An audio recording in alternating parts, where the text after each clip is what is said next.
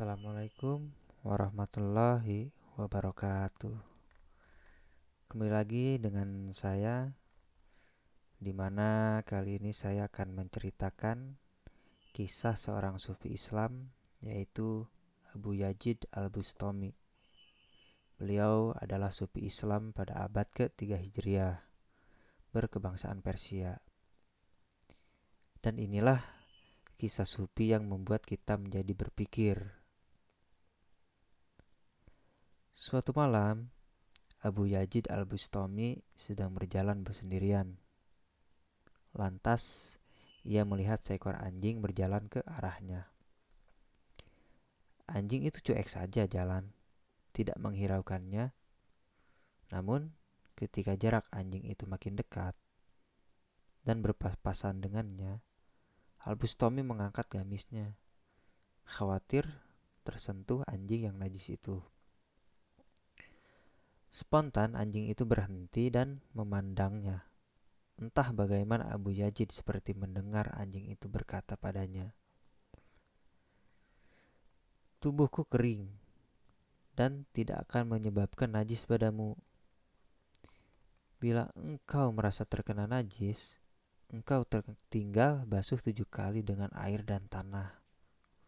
Maka najis di tubuhmu itu akan hilang namun, jika engkau mengangkat gamismu karena menganggap dirimu yang berbaju atau berbadan manusia lebih mulia dan menganggap diriku yang berbadan anjing ini najis dan hina, maka najis yang menempel di hatimu itu tidak akan bersih walau kau basuh dengan tujuh samudra.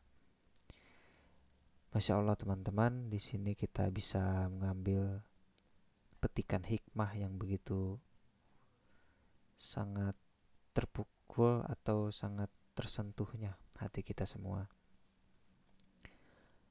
Abu Yazid tersentak dan minta maaf. Lalu sebagai permohonan maafnya, dia mengajak anjing itu untuk bersahabat dan berjalan bersama. Tapi si anjing itu menolaknya. Engkau tidak pantas berjalan denganku. Mereka yang memuliakanmu akan mencemoohmu dan melempariku dengan batu. Aku tidak tahu mengapa orang-orang menganggapku begitu hina. Padahal aku berserah diri pada Sang Pencipta wujud ini. Lihatlah, aku juga tidak menyimpan dan membawa sepotong tulang pun, sedangkan engkau masih menyimpan sekarung gandum. Lalu Anjing itu pun berjalan meninggalkan Abu Yazid. Abu Yazid masih terdiam sambil merenung.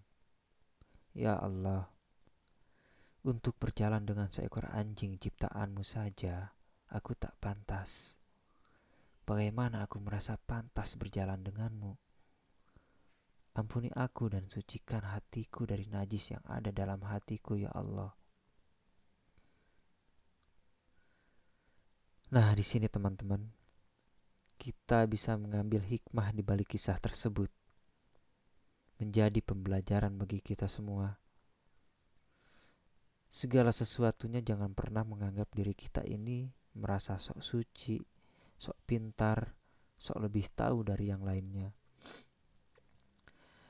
Justru di saat posisi seseorang susah keadaannya, di situlah keimanan kita diuji kesabaran kita diuji. Dan jangan sesekali juga kita menjudge orang yang jauh dari jalan Allah itu orang yang sesat.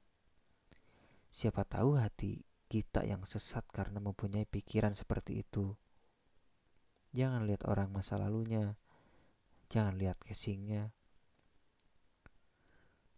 Justru orang yang jauh dari jalan Allah mereka malah justru ingin kembali ke jalan yang benar. Cuman mereka tidak tahu kembali jalan pulang. Maka tugas kita semua adalah dukunglah jika seseorang itu melakukan perubahan. Rangkullah teman-teman kita yang menuju jalan kebenaran. Jangan dibilang hijrah, so alim. Siapa tahu justru malah dia yang doa dan amalan dia yang diterima dibandingkan kita semua. Sekian teman-teman, hanya itu yang saya ketahui dan tentunya tetap stay tune di episode-episode berikutnya. Mari sama-sama mendukung dan belajar. Jika saya ada salah, silahkan dikoreksi. Maka kebenaran datangnya hanya pada Allah. Jika kesalahan, maka datangnya pada diri saya sendiri. Terima kasih sudah mendengarkan. Silahkan share selagi bermanfaat. Mudah-mudahan jadi berkah untuk kita semua. Amin. Amin. Ya Rabbal Alamin. Assalamualaikum warahmatullahi wabarakatuh.